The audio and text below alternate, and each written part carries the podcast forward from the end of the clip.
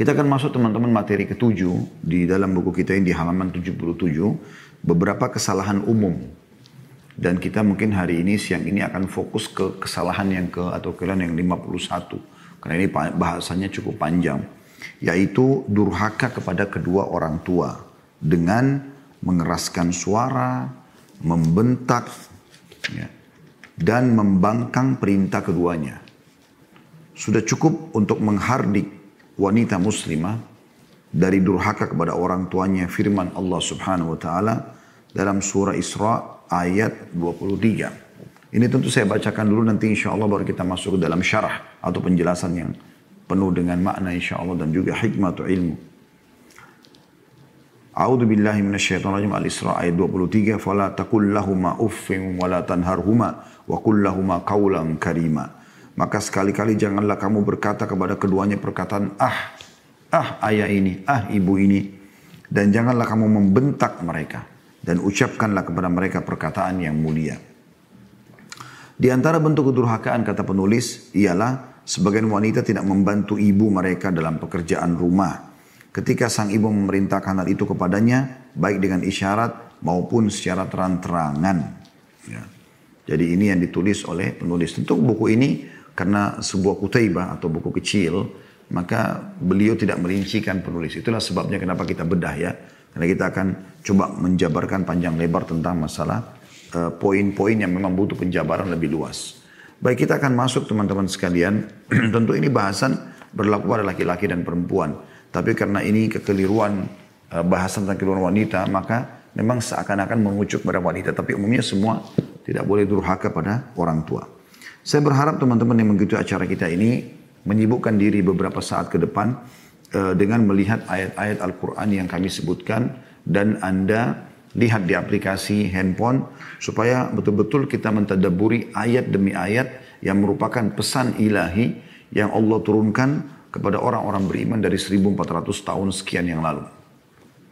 Yang pertama kita akan mengulangi membaca tadi Al-Isra 23 tapi kita akan baca lengkap ayatnya ayat 23 sampai ayat 24. Silakan Anda buka surah nomor 17 Al-Isra ayat 23 sampai 24. Renungi baik-baik.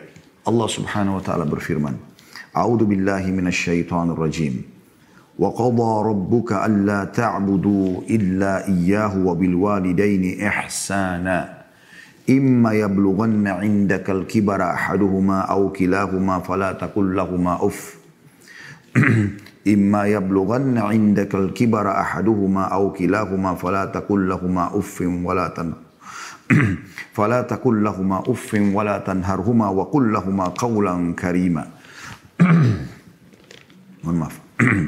terjemahannya ayat 23-nya dulu. Dan Robmu telah memerintahkan kepada manusia. Wahai Muhammad Allah Tuhanmu telah memerintahkan bukan cuma pada orang beriman bahkan seluruh manusia agar mereka tidak beribadah dan mana ibadah tunduk dan patuh kepada atau kecuali hanya kepadanya kepada Allah. Hendaklah berbuat baik kepada kedua orang tua dengan sebaik-baiknya, sesempurna-sempurnanya. Dan jika salah satu bentuk sebaik-baik adalah dikatakan dan jika salah satu dari keduanya atau kedua-duanya telah berusia lanjut di sisimu, maka jangan kau katakan kepada keduanya, ah, dan jangan kamu membentak keduanya. Dan ucapkanlah untuk keduanya perkataan yang karima, yang mulia. Sebelum pindah ke ayat 24, kita renungi dulu tadabur ayat ini. Perhatikan. Hai Tuhan, hai Muhammad, Tuhanmu telah menyerukan, memerintahkan, mewajibkan. Dua hal ditekankan dalam ayat 23 Al-Isra ini tidak boleh menyembah kepada selain Allah. Nggak boleh tunduk. Karena memang selain Allah SWT bukan Tuhan. Mereka semua makhluk.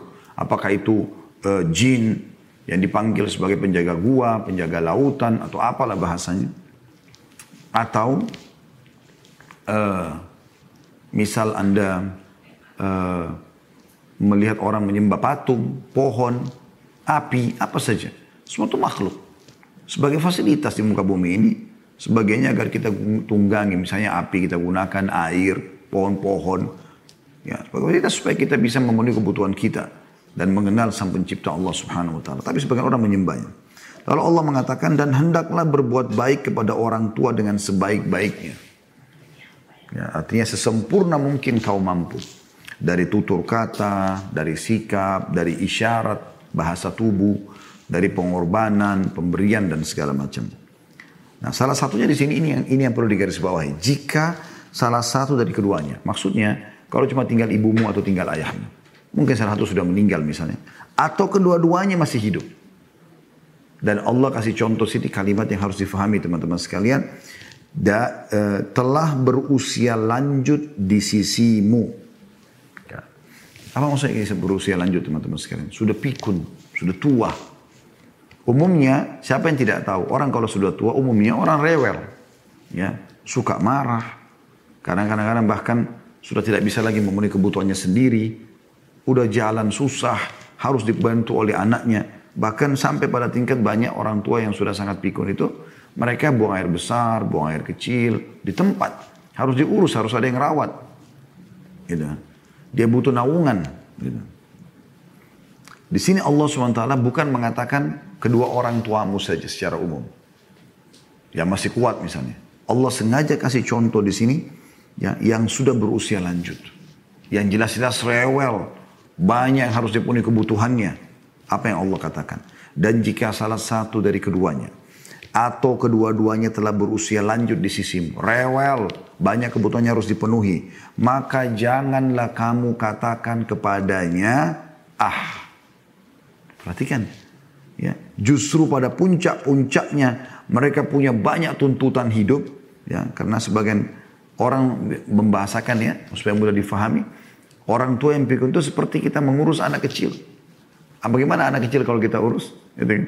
seperti itu dia kalau ada apa-apa sedikit menangis kalau nggak dipenuhi ya dia nggak bisa urus dirinya, banyak hal yang berbahaya bisa menimpanya. Maka orang tuanya harus selalu sikap mengurusnya. Nah orang tua kita kembali di masa tuanya seperti itu. Anak yang kembali berbakti padanya. Kalau tua saja, rewel begini. Bahkan kadang-kadang maaf buang air besar, buang air kecil sembarangan. Kita nggak boleh ucapkan kalimat ah. Apalagi kalau masih sehat. Gitu kan. Banyak pengorbanannya. Dan ini berlaku kata para ulama kepada orang tua yang memang dari kecil anaknya diurus olehnya atau memang anaknya dibengkalikan sama dia. Misal ada seseorang subhanallah dia dari kecil dibuang oleh orang tuanya. Dibuang oleh orang tuanya. Jadi orang dia tidak mau tahu tentang keadaan dia. Gitu kan.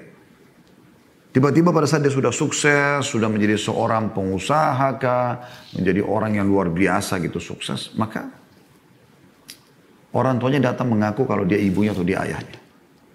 Saya berapa kali menemukan pada saat membahas orang tua begini, banyak anak-anak yang mengatakan begitu dalam pertanyaan di pengajiannya. Tentang masalah orang tua saya dari kecil tidak urus saya, bahkan dibuang begitu saja. Tiba-tiba sekarang saya sudah sukses, mengaku sebagai ibu, mengaku sebagai ayah. Dan ternyata terbukti benar. Ya, mereka itu orang tua saya. Apakah saya harus berbakti? Ada juga yang mengatakan saya dibesarkan oleh ayah angkat dan ibu ayah angkat saya yang menyayangi saya. Tiba-tiba orang tua saya datang pada saat saya sudah sukses lalu mengaku orang tua. Apa mana yang saya harus dahulukan orang tua kandung saya atau ya, bapak atau ibu angkat saya yang sudah mengurus saya dari kecil? Semua ini jawabannya jelas orang tua. Jadi saya bilang tadi, walaupun mereka tidak mengurus kita dari kecil, ya, tetap bakti kita wajib kepada mereka. Apalagi kalau dasarnya sudah mengurus dari kecil, lebih besar lagi haknya. Gitu kan? Karena kata para ulama, keberadaan kita di muka bumi ini sudah cukup membuat kita wajib berbakti pada keduanya. Lahirnya kita di muka bumi sudah cukup. Walaupun mereka belum berbuat apa-apa. Karena kalau tanpa sperma ayah kita, tanpa sel telur ibu kita, tanpa kita dikandung sembilan bulan oleh ibu kita, kita tidak akan ada di muka bumi ini. Kan begitu. Apalagi kalau dasarnya orang tua kita tuh berkorban banyak. Mereka sering begadang. Saya punya anak-anak baik. Alhamdulillah beberapa yang Allah titipkan. Saya rasakan sendiri. Saya sama istri kadang-kadang nggak bisa tidur malam pada saat awal-awal lahir gitu. Karena mereka masih belum adaptasi waktu. Belum nangis, belum rewel, belum gini. Apalagi kalau sakit ya.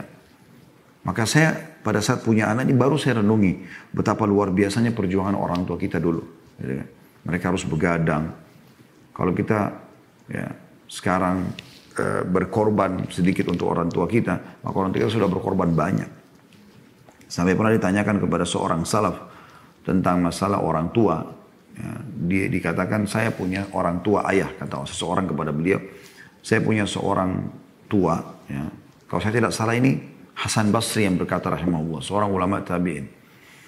Orang ini berkatakan saya punya anak, eh, saya punya ayah sudah sangat tua, pikun dan dia tidak bisa bergerak, lumpuh, ya, stroke di atas ranjang.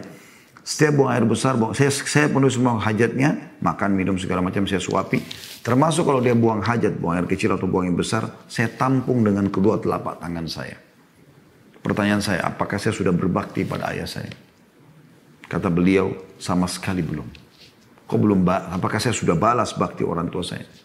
Kata beliau, belum sama sekali. Kata dia, masa saya nampung kotorannya, buang air besar, buang air kecil dengan tangan saya tanpa jijik sedikit pun. Kalau tidak salah dalam kisah itu akan disebutkan 10 tahunan dia urus.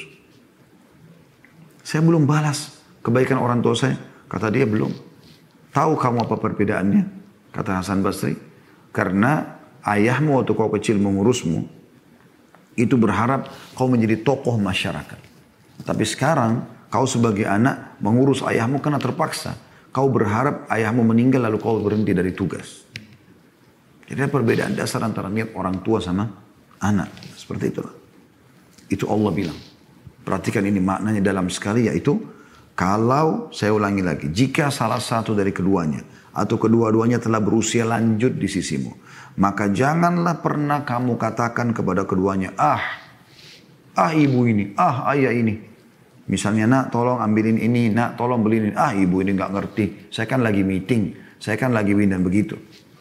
Banyak orang lupa teman-teman sekalian. Apa pun urusan dunia antum, selama bukan haknya Allah subhanahu wa ta'ala, yang Allah wajibkan, maka dahulukan ibu antum. Lakukan ayah antum. Gak bisa tidak. Gak ada yang antum bisa dahulukan walaupun meeting miliaran. Apa pun yang anda kerjakan, tinggalkan semua selama orang tua yang butuh. Ada kisah unik dari seorang syekh di Saudi. Dia lagi isi pengajian, kalau saya ingat saya di kota Madinah pada saat itu. Beliau isi pengajian, kemudian tiba-tiba bunyi teleponnya. Ya, di depan dia ditaruh, dia lihat ternyata ibunya yang telepon. Dia kecilkan, matikan mikrofon yang ada di depannya, bukan kecilkan, dimatikan mikrofonnya. Lalu dia bilang sama jemaah, maaf ibu saya lagi telepon. Dia tidak mau ibunya faham dia lagi pengajian. Diangkat lalu dia mengatakan, Assalamualaikum warahmatullahi wabarakatuh. Iya ibu. Ibunya mengatakan apa kabar nak, baik segala macam. Setelah itu ibunya mengatakan, ibu lagi kangen sama kamu nak, bisa nggak kamu datang sekarang? Tanpa banyak berpikir, Syekh ini mengatakan, baik ibu, saya akan datang sekarang insya Allah. Ibu pengen sesuatu, enggak, kamu datang saja. Tidak, baik. Sudah ibunya salam, dia pun dan salah satu adab kepada orang tua teman-teman, jangan jangan usahakan jangan pernah kita yang yang yang memulai untuk menutup telepon. Jaga baik-baik itu. Ya. Mereka adalah kunci keselamatan kita. Mereka penyebab daripada doa kita diijabah. Hajat kita dipenuhi oleh Allah subhanahu wa ta'ala. Di rumahmu, di orang tuamu, ada surgamu dunia, surga dunia dan surga akhiratmu. Urusanmu akan mudah. Terlalu banyak saya lihat depan mata. Subhanallah orang yang bakti sama orang tuanya. Allah limpahkan rezeki yang luar biasa. Saya praktekin teori itu Allah SWT berikan luar biasa. Gitu. Ya. Kita kembali ke tadi. Dia tutup telepon ibunya lalu dia mengatakan, jemaah, e, ibu saya lagi butuh sama saya. Maka saya e, tidak bisa melanjutkan pengajian. Kita lanjutkan di pertemuan akan datang.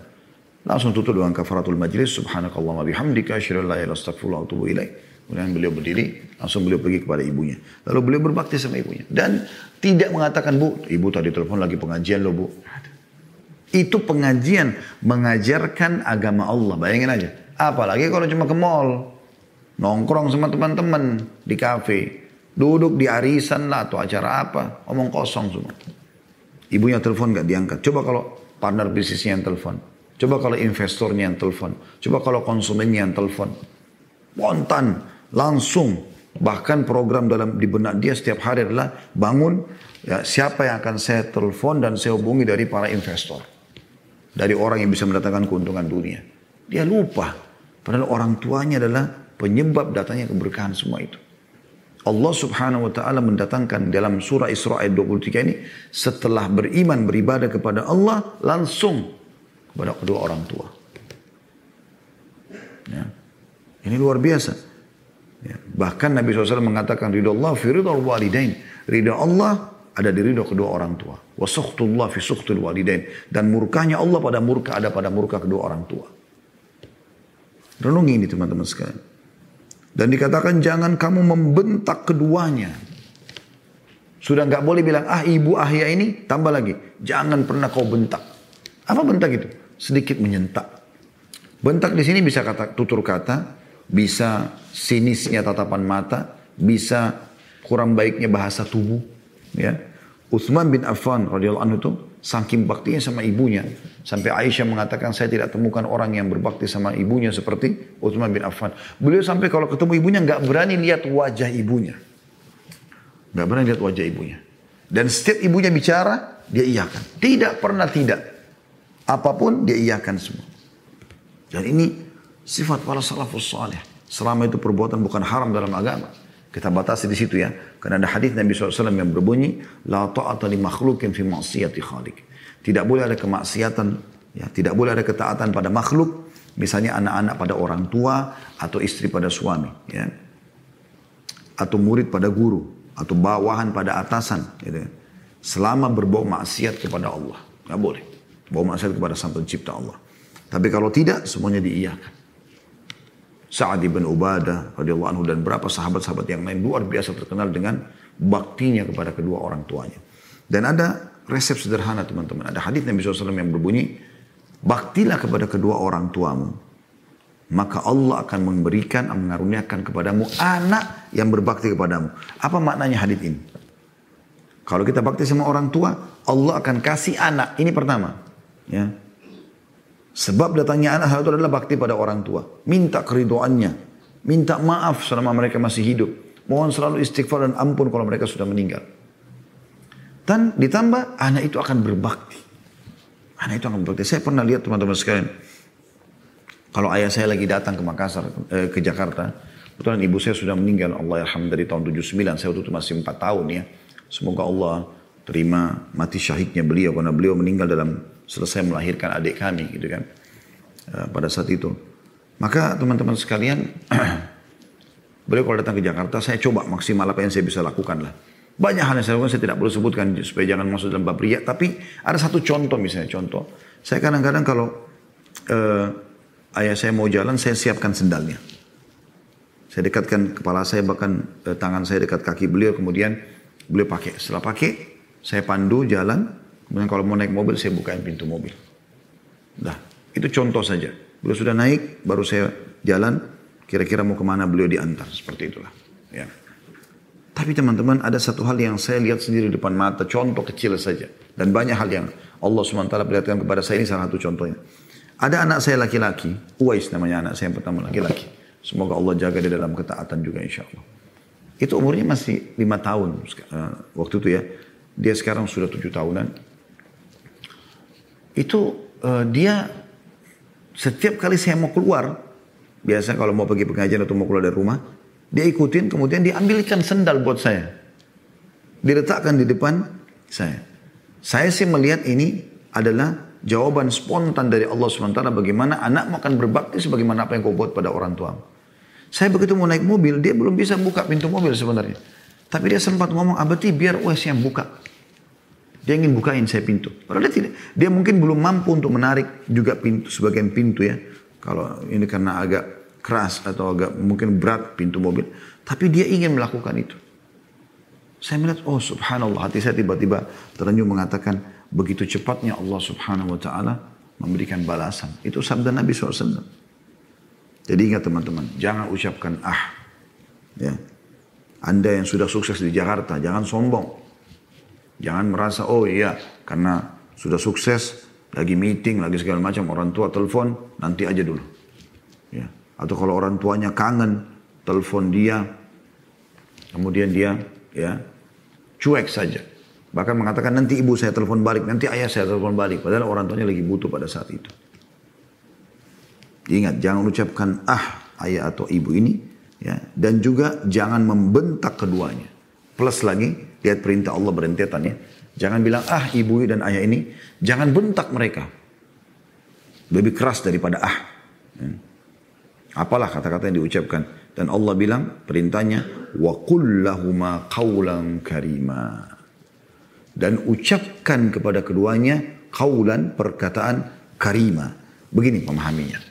Karim ini teman-teman orang Arab gunakan kalau sesuatu itu sudah sangat bagus sekali sempurna. Misal gini, biasanya dipakai untuk orang dermawan ya. Karim itu orang dermawan. Kayak misalnya kalau ada orang kita minta tolong sama dia, kemudian dia kasih sesuai dengan apa yang kita minta. Misalnya kita minta tolong bantu 100 ribu, dibantu 100 ribu. Itu masih baik orangnya. Orang Arab masih belum mengatakan karim.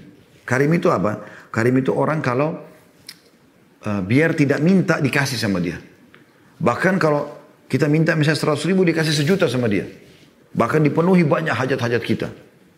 Ini namanya dermawan, karim. Nah, ini kalau di harta ya. Dan dia pun memberikan dari harta yang halal, yang paling bagus. Karena dia tahu ini dia berikan kepada Allah atau di jalan Allah subhanahu wa ta'ala. Nah Allah perintahkan kita menggunakan kaulan karima. Perkataan yang terpilih, dia tertata, pilih kosakata yang paling bagus. Bahkan sebagian ulama mengatakan termasuk kaulan karima adalah mengecilkan intonasi suara ya lebih rendah daripada intonasi suara orang tua. Tidak memotong kalau mereka lagi bicara walaupun menyakitkan. Itu kaulan karima di antara Ya. Jadi sebelum selesai orang tua bicara jangan dipotong. Setelah itu juga menyusun kosakata yang ringkas, yang tidak menyinggung. Misal, iya ibu, iya ayah. Baik, saya akan kerjakan. Doakan ananda supaya bisa, dan seterusnya. Ada seorang syekh teman-teman di Saudi. Dia lagi isi pengajian di Jeddah ini, kejadian yang lain tentunya. Saya sering angkat kisah ini karena saya terenyuh juga melihat eh, bagaimana semestinya kita mencontohi mereka ya.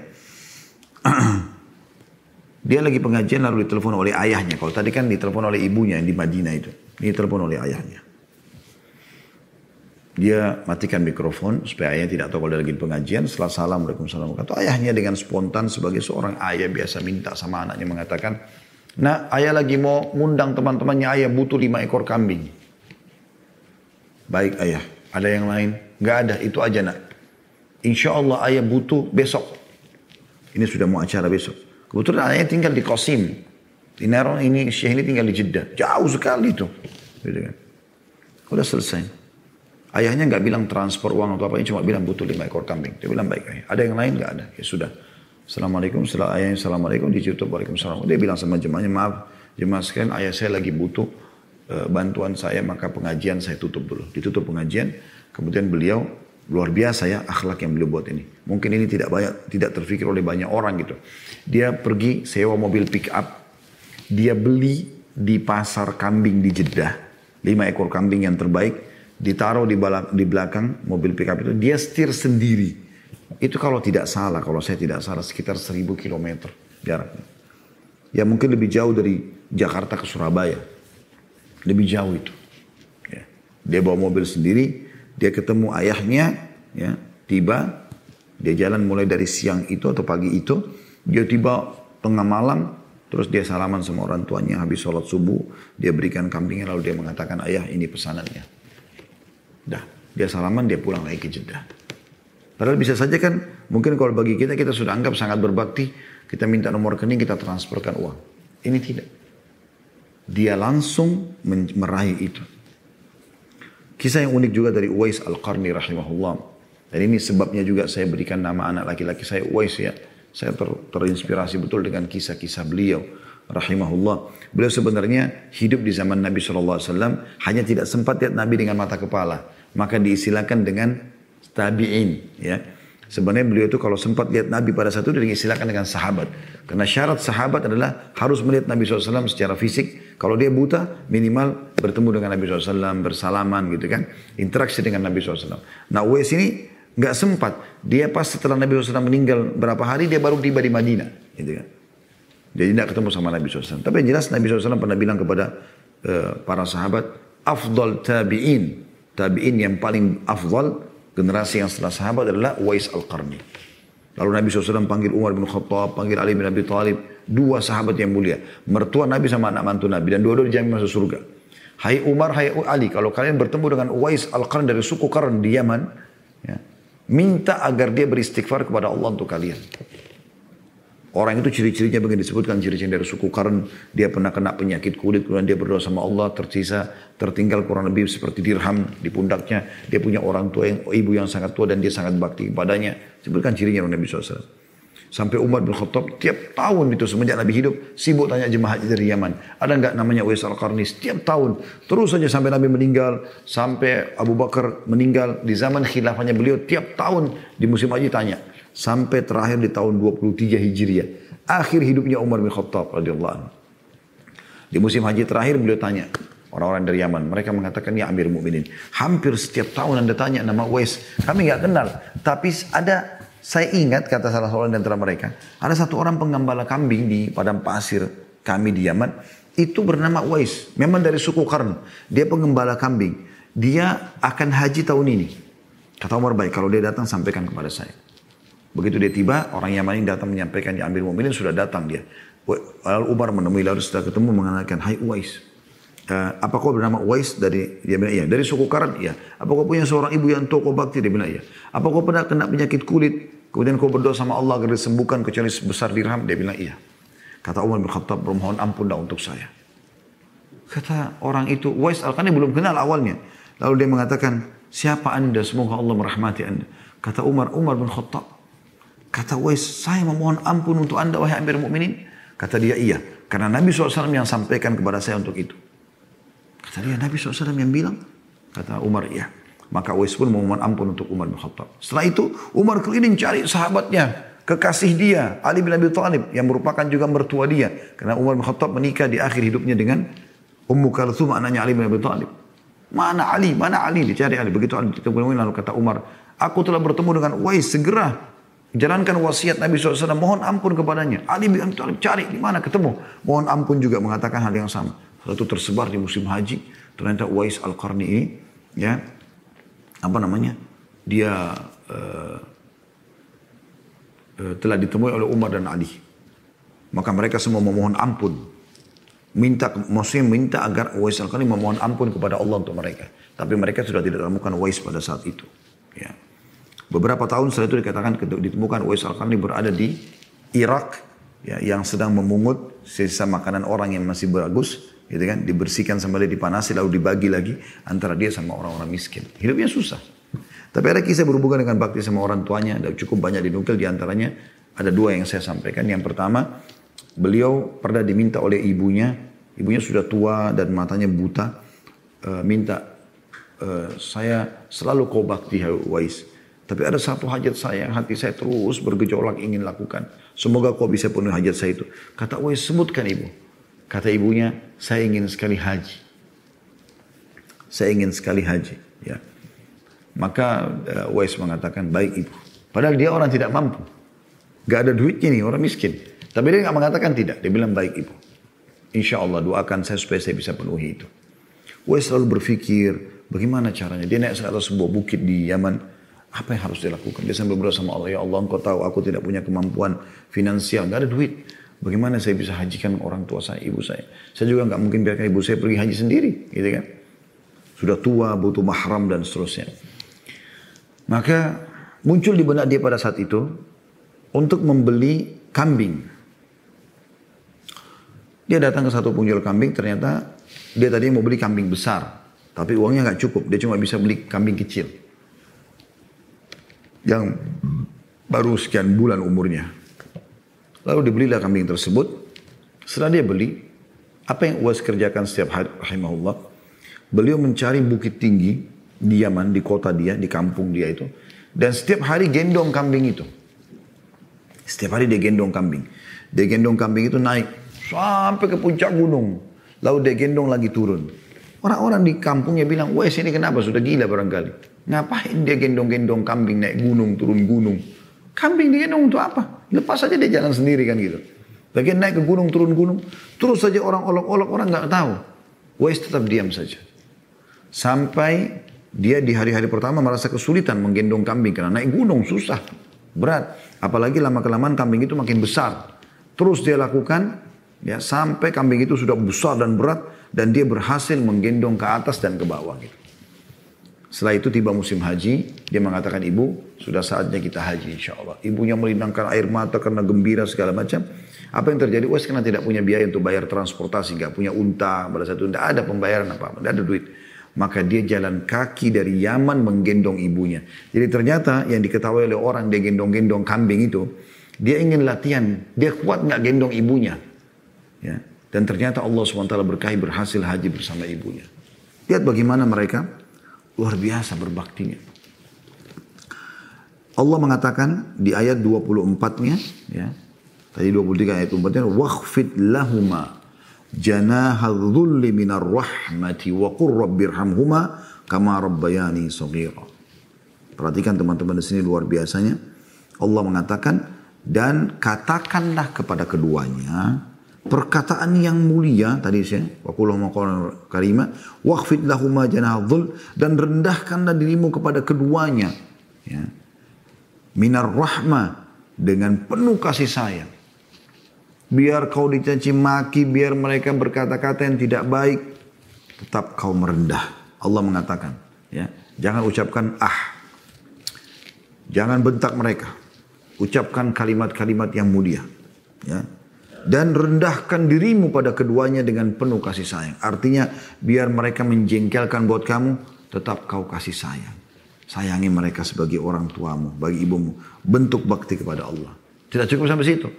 Dan ucapkan kata Allah, doakan mereka.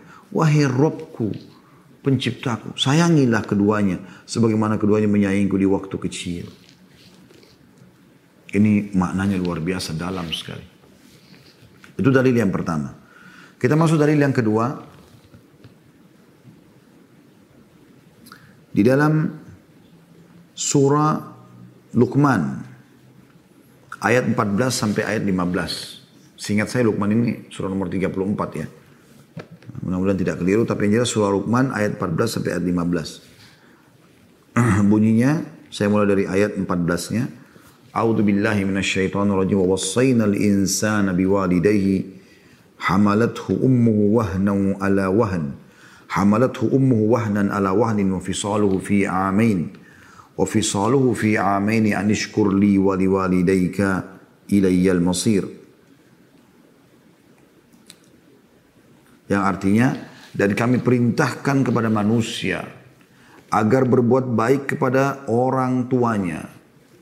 Ibunya telah mengandungnya dalam keadaan lemah yang bertambah lemah karena makin besar perutnya, dia makin lemah. Makin banyak cobaannya, gitu kan. Dia ke kamar mandi bawa bayi itu, dia tidur bawa bayi itu, segala macam. Ya. Apa, ke mana saja anaknya ikut, mesti dari bayi, dari perut. Dan menyapinya, mengurusnya, ya, membersihkan popoknya, segala macam kotorannya, serta menyusuinya dalam dua tahun. Karena biasa kalau sudah dua tahun, ya sudah mulai lebih besar. Umumnya sini menyusui maksudnya.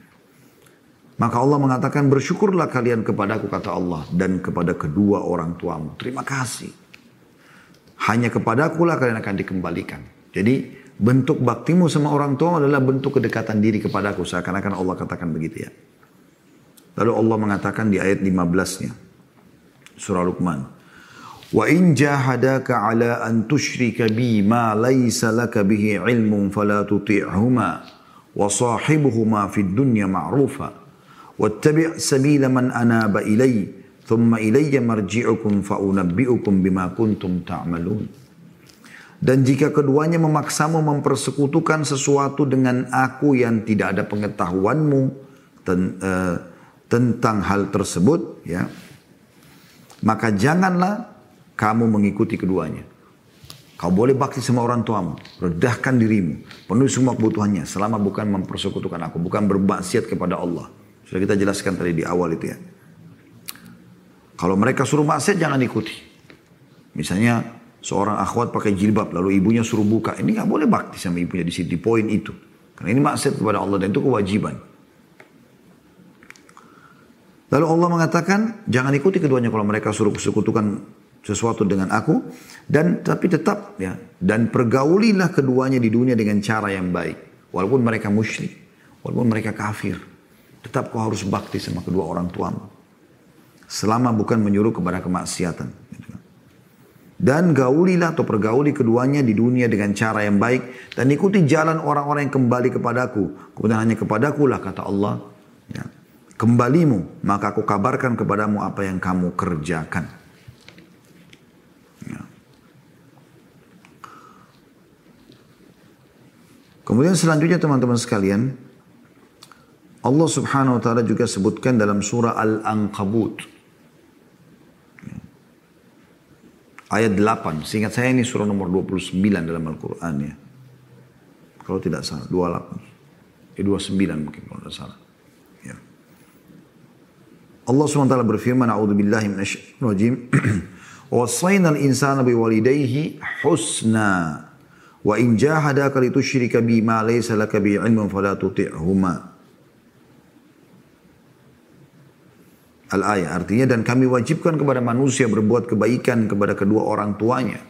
Dan jika keduanya memaksamu untuk mempersekutukan aku dengan sesuatu yang tidak ada pengetahuanmu tentang itu, maka jangan kamu mengikuti keduanya. Juga dalam surah Al-Ahqaq ayat 15 sampai 16. Al-Ahqaq ayat 15 sampai 16. Ini diikutin terus ya ayat-ayatnya. Allah SWT berfirman Al-Ahqaq 15 sampai 16. A'udzu billahi minasyaitonir rajim. Wassayna al-insana biwalidayhi ihsana. Hamalathu ummuhu kurha wa wada'athu kurha wa hamluhu wa fisaluhu 30 shahra hatta idza balaga ashudda wa balaga 40 sanatan qala rabbi auzi'ni qala rabbi auzi'ni an ashkura ni'mataka allati an'amta alayya wa ala aslih li fi dhurriyyati Inni tubtu ilaika wa innani wa inni minal muslimin. Wa inni minal muslimin. Kami perintahkan kepada manusia supaya berbuat sebaik-baik atau berbuat baik kepada ibu, kepada kedua orang tua ibu bapaknya. Ibunya mengandungnya dengan susah payah dan melahirkannya pula dengan susah payah. Mengandungnya sampai menyapinya adalah 30 bulan. Ya. Sehingga apabila dia telah dewasa dan umurnya sampai 40 tahun, ia berdoa.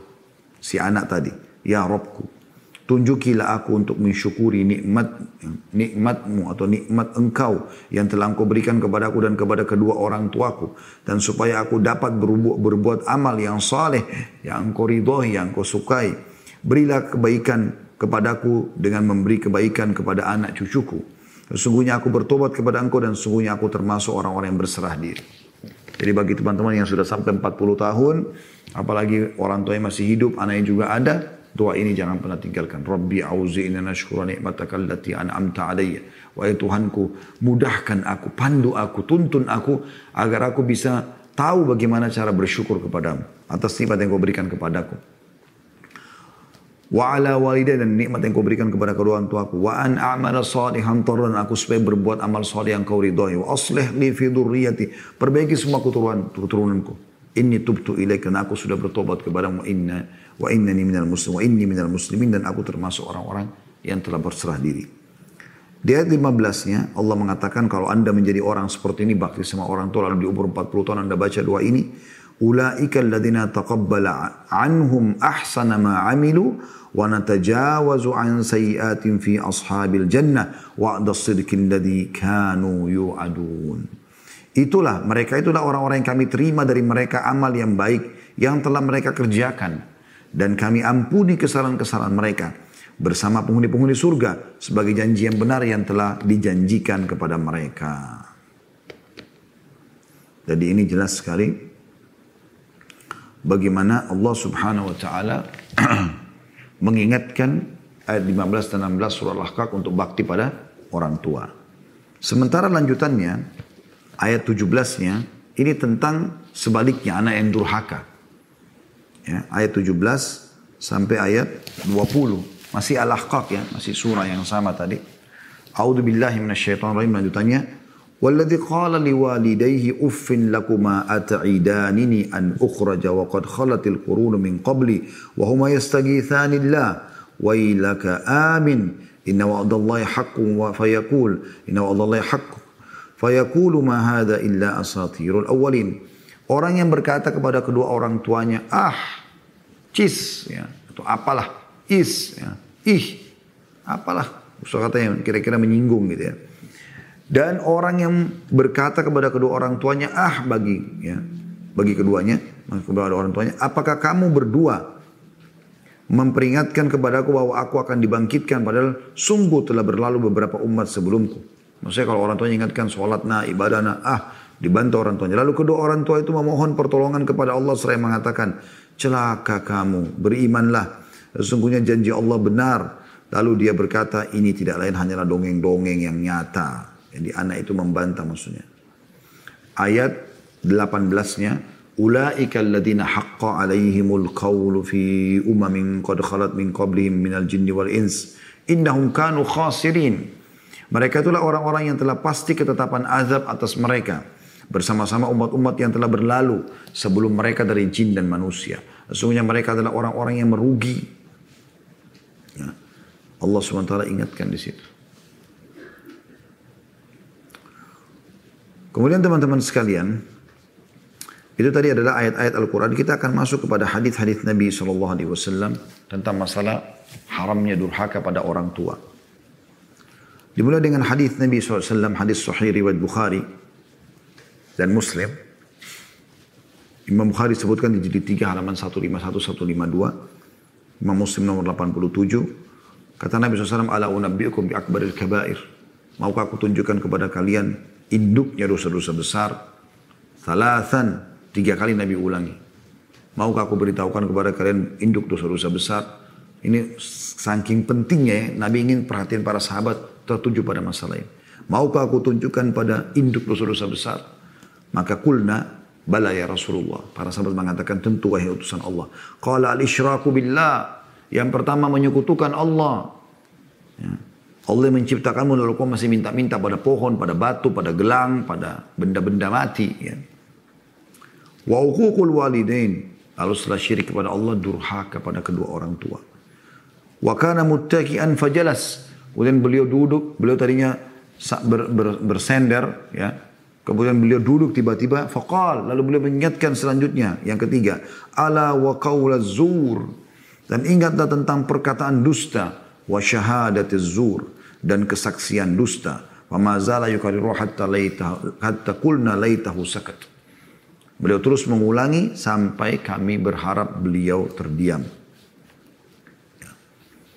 Hadis ini menjelaskan kepada kita tentang induk dosa besar maksud dalamnya selain syirik kepada Allah selain perkataan dusta dan eh, kesaksian dusta, juga adalah durhaka pada orang tua. Juga dalam hadis lain, di dalam hadis yang masyhur, hadis riwayat Ahmad di jilid 6 halaman 441 dan hadis ini dinilai hasan oleh Syekh Albani. Kata Rasulullah SAW, yadkhulul jannata akun wala mudminu khamrin wala mukadzibu bil qadar. Tidak akan masuk surga anak yang durhaka, kemudian pecandu minuman keras, dan juga orang yang mendustakan takdir. Ada yang mendustakan takdir. Kemudian juga ada hadis Nabi SAW yang lain. Dan ini perlu kita renungi teman-teman. Kita harus khawatir. Ya. Terutama bagi anda yang masih durhaka pada orang tuanya. Ya tidak mau jawab teleponnya, tidak mau tanya kabarnya, tidak mau penuhi kebutuhannya. Ya, nanti kita akan sebutkan beberapa poin yang bisa masuk dalam doa kepada orang tua insya Allah. Yaitu hadis diriwayatkan oleh Imam Bukhari dalam Adab Mufrad di nomor 23. Kata Nabi SAW, Ma min dhambin ajdaru an yu'jal. Ya. Atau an yu'ajjilallahu. Saya ulangi, Ma min dhambin ajdaru an yu'ajjilallahu ta'ala li sahibi al-uqubata fid dunya ma'ama yaddakhiru lahu fil akhirah minal bagi wa qati'atur rahim. Tidak ada dosa yang Allah cepatkan azabnya kepada pelakunya di dunia dan Allah juga akan mengazabnya di akhirat. Jadi dua-dua dapat. Di dunia dapat, di akhirat juga dapat siksaan. Ya. Yang pertama adalah berbuat kezaliman. Tidak memberikan hak orang untuk mengambil hak orang lain. Dan yang kedua adalah memutus silaturahim. Dan puncaknya adalah memutus hubungan dengan orang tua. Makanya dalam hadis yang lain disebutkan, hadis ini diriwayatkan oleh Al-Hakim jilid 4 halaman 177, kata baginda Nabi SAW, Babani muajjalani uqubatuhuma fid dunya al-bagi wal uquq. Dua perkara atau perbuatan dosa yang Allah percepat azabnya atau siksanya di dunia. yang berbuat zalim dan juga durhaka kepada kedua orang tua. Ya. Ini luar biasa ini. Ya, peringatan-peringatannya. Selanjutnya juga hadis Nabi alaihi salatu wassalam riwayat Hakim, Al-Baihaqi, Ahmad juga meriwayat hadis ini. Kata begini Nabi SAW, Thalathatun la yadkhuluna jannah, wa la yanzurullahu ilaihim yawmal qiyamah. Ya, ada tiga golongan, tiga orang yang tidak akan masuk surga. Allah juga tidak mau lihat dia pada hari kiamat. Allah tidak akan bantu kalau dia punya dosa banyak, tidak dimaafkan. Yang pertama al-aquli walidayhi, yang durhaka pada orang tuanya. Yang kedua al-mar'atul mutabar, muta, mutarajjilatul mutasyabbihah birrijal, mutasyabbih birrijal. Ya, perempuan yang menyerupai laki-laki. Nah, ini yang kedua. Jadi dia sengaja apalagi sampai pada tingkat mengoperasi ke, ke, ke, kelaminnya dan segala macam ya. Dan yang kedua ada youth, yaitu kepala rumah tangga atau suami yang membiarkan adanya perbuatan keji di rumahnya. Ya. Sementara teman-teman sekalian, orang tua anda adalah sebab diterimanya doa. Atau doa mereka mustajab. Selalulah sebelum beraktivitas, sebelum mulai bisnis, sebelum apa pun, telepon mereka, minta keridoannya, minta doakan. Karena kata Nabi SAW di dalam hadis diriwayatkan oleh Bukhari dalam Adab Mufrad dan juga Abu Daud juga Tirmidzi meriwayatkan ini Thalathu da'awatin mustajabat. Tiga doa, tiga doa pasti diterima. Ya. La syakka fihin. Tidak ada keraguan dalam penerimaannya. Da'watul walid ala waladi. Yang pertama doa orang tua untuk anaknya. Ini mustajab. Yang kedua da'watul musafir. Doanya orang musafir. Yang ketiga da'watul madlum. Dan doa orang yang terzalimi. Ya. Di sini ada doa kepada kedua orang tua. Ada banyak tentunya orang-orang kenapa durhaka sama orang tua karena mereka bodoh, mereka tidak faham, ya. Atau mungkin memang e, lingkungannya yang rusak. Nah, orang tuanya tidak peduli mengajarkan kepada mereka harus bakti sama orang tua dari cara duduk, cara ngomong, ya tidak diajari, dicuekin saja, dibiarkan selalu besar dengan pembantu anak-anak itu sehingga ini terdidiklah ya seperti akhlaknya pembantu itu yang buruk misalnya. Ya, makanya sebagai ibu-ibu ini terutama bagi ibu untuk ibu-ibu ya, Anda sebagai ibu harusnya hati-hati.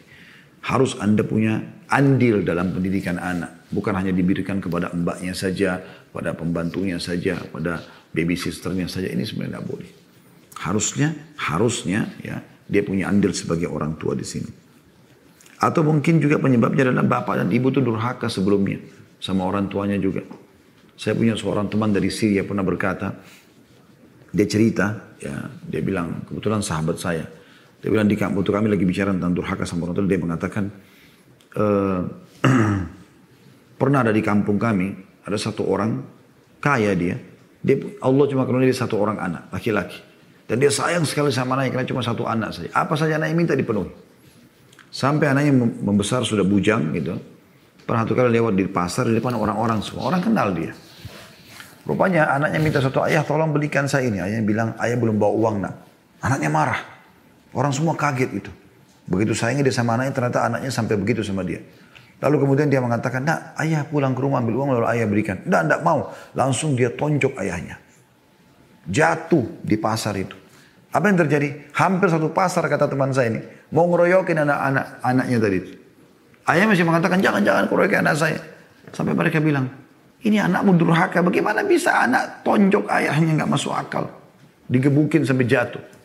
Dia mengatakan subhanallah ini kata-katanya apa. Ini kisah teman saya dan ini kisah nyata. Dia mungkin langsung.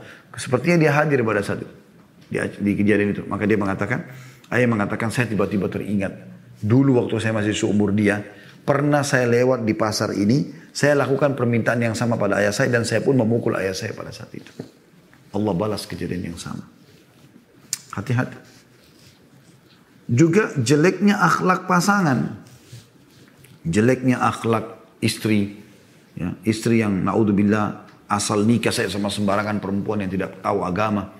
Sehingga merasa mertuanya musuhnya. Bagaimana caranya Anda mau menghapus status ibunya suami Anda? Bagaimana? Bagaimana caranya? Dia tetap lahir dari rahimnya perempuan itu. Mau baik atau mau jelek tetap aja sama. Tapi kan cerewet itu saja. Itu resiko nikah sama anaknya. Dan itu cobaan Anda. Harus Anda sabar. Harus Anda justru penyebab suami bakti sama ibunya, sama ayahnya. Itu juga sebagai laki-laki. Jangan mentang-mentang kita sebagai suami, kemudian kita punya hak untuk dilayani dan didahulukan dari orang tua istri, lalu kita sama sekali tidak bolehkan dia ketemu sama orang tuanya. Tidak boleh pokoknya. Ya. Pilih orang tua untuk pilih saya. Bagaimana caranya? Gak mungkin ini. Ini haram dalam Islam. Harus bertakwa kepada Allah subhanahu wa ta'ala. Ya. Jadi harus hati-hati. Tidak boleh sembarangan ini. Contoh durhaka-durhaka pada orang tua adalah misalnya suka mengucapkan kalimat ah tadi. Suka membentak, suka melotot, suka membantah. Ya. Padahal keberkahan dipatuh pada orang tua. Itu yang pertama. Yang kedua, dia menimbulkan segala jenis gangguan yang bisa mengganggu orang tuanya, apa pun sifatnya. Mengganggunya kalau lagi tidur bisa dibangunkan, ya. Anda tentu tidak asing dengan kisah tiga orang yang terkurung dalam gua ya. Mereka lagi masuk ke dalam gua, turun hujan deras, ada batu jatuh menutupi gua. Mereka tidak bisa keluar. Maka tiga orang ini sama-sama cerita satu sama yang lain. Kayaknya kita nggak bisa keluar nih kecuali Allah keluarkan kita. Maka ayo kita bertawassul dengan amal soleh kita. Ayo kita berbuat, ayo kita melapor kepada Allah tentang amal soleh yang pernah kita kerjakan yang kita harapkan paling diterima sama Allah. Mudah-mudahan Allah keluarkan kita dari gua ini. Maka mulailah yang pertama menceritakan tentang keadaannya gitu kan. Yaitu dia punya dua orang tua. Dia bilang, ya Allah engkau tahu aku punya kedua orang tua, aku selalu bakti sama dia. Dia kebetulan mengembala domba. Setiap hari kalau saya pulang saya selalu membawakan susu. Lalu saya dinginkan yang saya peras sendiri. Lalu saya minumkan ke mulut mereka sampai sudah, sudah mereka tidur baru saya pulang ke rumah saya. Satu malam saya pulang mereka sudah tertidur karena saya telat. Maka saya memegang susu itu dari malam sampai pagi. Walaupun anak saya menangis di kaki saya meminta agar diberikan minuman gitu kan. Maka saya tidak membangunkan kedua orang tua saya sampai mereka bangun pagi lalu saya minumkan dan mereka tidak tahu kalau saya semalam suntuk berdiri menunggu agar mereka bangun dan saya berikan. Kalau ini perbuatan baik ya Allah, keluarkan kami dari gua ini. Maka pecah batu tersebut. Walaupun mereka belum bisa keluar, karena harus dikuatkan dengan dua orang lagi. Yang satu mengatakan saya tahu saya suka seorang wanita yang saya sangat tergila-gila sama dia dan selalu saya ajak berzina tapi dia menolak. Satu waktu dia punya masalah, ibunya sakit, lalu dia butuh bantuan uang, maka saya kasih syarat kalau saya akan bantu uang kalau dia bersedia untuk menyerahkan kesuciannya. Makanya dia terpaksa dia menyerahkan diri pada saya, saya sudah berada di antara dua pahanya, artinya saya tinggal meletakkan kemaluan di kemaluan saja, dia mengatakan, hai fulan bertakwalah kepada Allah, jangan kau letakkan cincin kecuali pada tempatnya. Saya kalau kau nikahi, saya baru kau bisa gauli. Maka saya pun meninggalkan wanita tersebut padahal sangat saya cintai dan tinggal meletakkan kemaluan di kemaluan saja. Kalau itu ikhlas karenamu ya Allah keluarkan kami dari gua ini. Maka pecah lagi batunya tapi belum bisa keluar. Yang ketiga mengatakan saya punya seorang pegawai yang pernah bekerja dengan saya kemudian dia pergi tiba-tiba tanpa mengambil gajinya. Lalu saya mengambil inisiatif gajinya itu saya berikan beberapa hewan ternak lalu berkembang biak sampai hewan ternaknya penuh memenuhi sebuah lembah. Beberapa tahun itu setelah itu dia datang lalu dia mengatakan, Hai Tuhan, bertakwa kepada Allah, bayarkan kepada saya uh, gaji saya berapa tahun yang lalu yang saya belum saya ambil. Terus saya mengatakan, apa kau lihat lembah itu? Dia bilang, iya. Semua itu hewan adalah punyamu. Karena uangmu dulu saya investasikan ternyata jadi sebanyak ini. Maka ambillah. Maka orang itu pun, pegawai mantan pegawai saya itu pergi mengambil semua. Tidak tinggalkan satu ekor pun pada saya ya Allah. Kalau itu ikhlas karenamu, keluarkan kami. Maka pecah batu tersebut dan mereka bisa keluar akhirnya. Seperti itulah. Ya. Masuk dalam masalah durhaka ini adalah bakhil, pelit, perhitungan dengan orang tua. Padahal sebenarnya ya uang kita adalah uang mereka. Makanya pernah ada sahabat yang marah kepada ayahnya gara-gara apa? Gara-gara dia e, mengambil ayahnya yang datang ke rumahnya, kemudian dia, anaknya lagi tidak ada anak, kemudian laki-laki.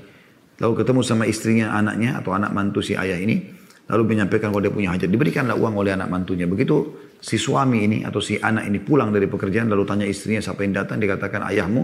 Lalu diceritakan kalau ayahmu ambil uang minta uang maka dia marah. Lalu dia langsung datang kepada Nabi SAW saya mengatakan ya Rasul sambil mengatakan ya Rasulullah ayah saya datang tanpa izin tiba-tiba langsung minta uang lalu mau pergi gitu. Mau pergi. Lalu kata Nabi SAW anta wa malika li abik. Kau sendiri dirimu ini semua dan seluruh hartamu punya ayahmu. Artinya dia punya hak untuk melakukan itu. Jadi jangan sampai kita merasa perhitungan dengan orang tua. Juga termasuk adalah menganggap remeh orang tua karena penjenjang pendidikan ya. Mentang-mentang orang tuanya cuma SD, dia sudah S2, S3, lalu dianggap orang tuanya bodoh. Nggak bisa. Saya ingat dulu ada dua orang dokter dokter uh, di Madinah ya. Beliau beliau, beliau S3 waktu kami masih pertama masuk di Madinah. Uh, awal uh, subhanallah uh, Dr. Naif Al-Amri sama adiknya. Ada saya lupa nama adiknya. Beliau beliau beliau, beliau, ini beliau ini dua-dua doktor ya. Satu dokter di bidang syariah yang satu dokter di bidang sastra Arab. Itu kami biasa kalau hari Kamis diajak ke rumahnya. Kadang-kadang disuruh nginap dinasihatin diajak makan sama-sama. Masya Allah mereka berdua ini sangat suka sekali dengan mahasiswa Indonesia pada saat itu. Karena memang mereka ditugaskan berapa kali datang untuk menerima mahasiswa di Indonesia. Jazakumullah khairan. Yang jelas saya lihat sendiri ada ayahnya sudah sangat tua. Subhanallah ayahnya itu tidak berpendidikan. Mereka berdua S3. Itu kalau ayahnya lagi keluar mau duduk bersama kami dan sambil menasehatin biasanya. Itu nggak pernah mereka potong perkataan orang tuanya. Padahal mereka doktor. Orang tuanya cerita, ibunya, ayahnya tidak cerita masalah agama. Dan pada saat datang mereka berlumba-lumba untuk meletakkan uh, terpal atau kulit uh, kayak permadani tapi dari kulit uh, kambing yang bagus untuk ayahnya. Mereka berlumba-lumba untuk mendahulu, siapa yang dahulu menyiapkan minumnya, makannya dan segala macam. Begitu luar biasa. Jadi jangan sampai teman-teman ya kita salah dalam masalah ini. Kemudian tidak mengurus kebutuhannya. Ini juga masuk dalam durhaka pada orang tua ya. jadi tidak tidak tidak berpikir masalah samponya, sabunnya, eh, apalah ya segala macam hal kebutuhannya. Padahal termasuk waktu sama orang tua adalah menyisir rambutnya, mengurusnya, merawatnya dan segala macam hal yang bisa berhubungan dengan masalah itu. Dan yang tidak kalah penting adalah mempermalukan apalagi sampai mengusir ya orang tua. Ini naudzubillah adalah perbuatan durhaka yang sangat besar. Allahu a'lam. Sedikit agak panjang materi kita hari ini tapi saya berharap teman-teman harus hati-hati dalam masalah ini tetap ya mengejar surga dengan bakti kepada orang tua.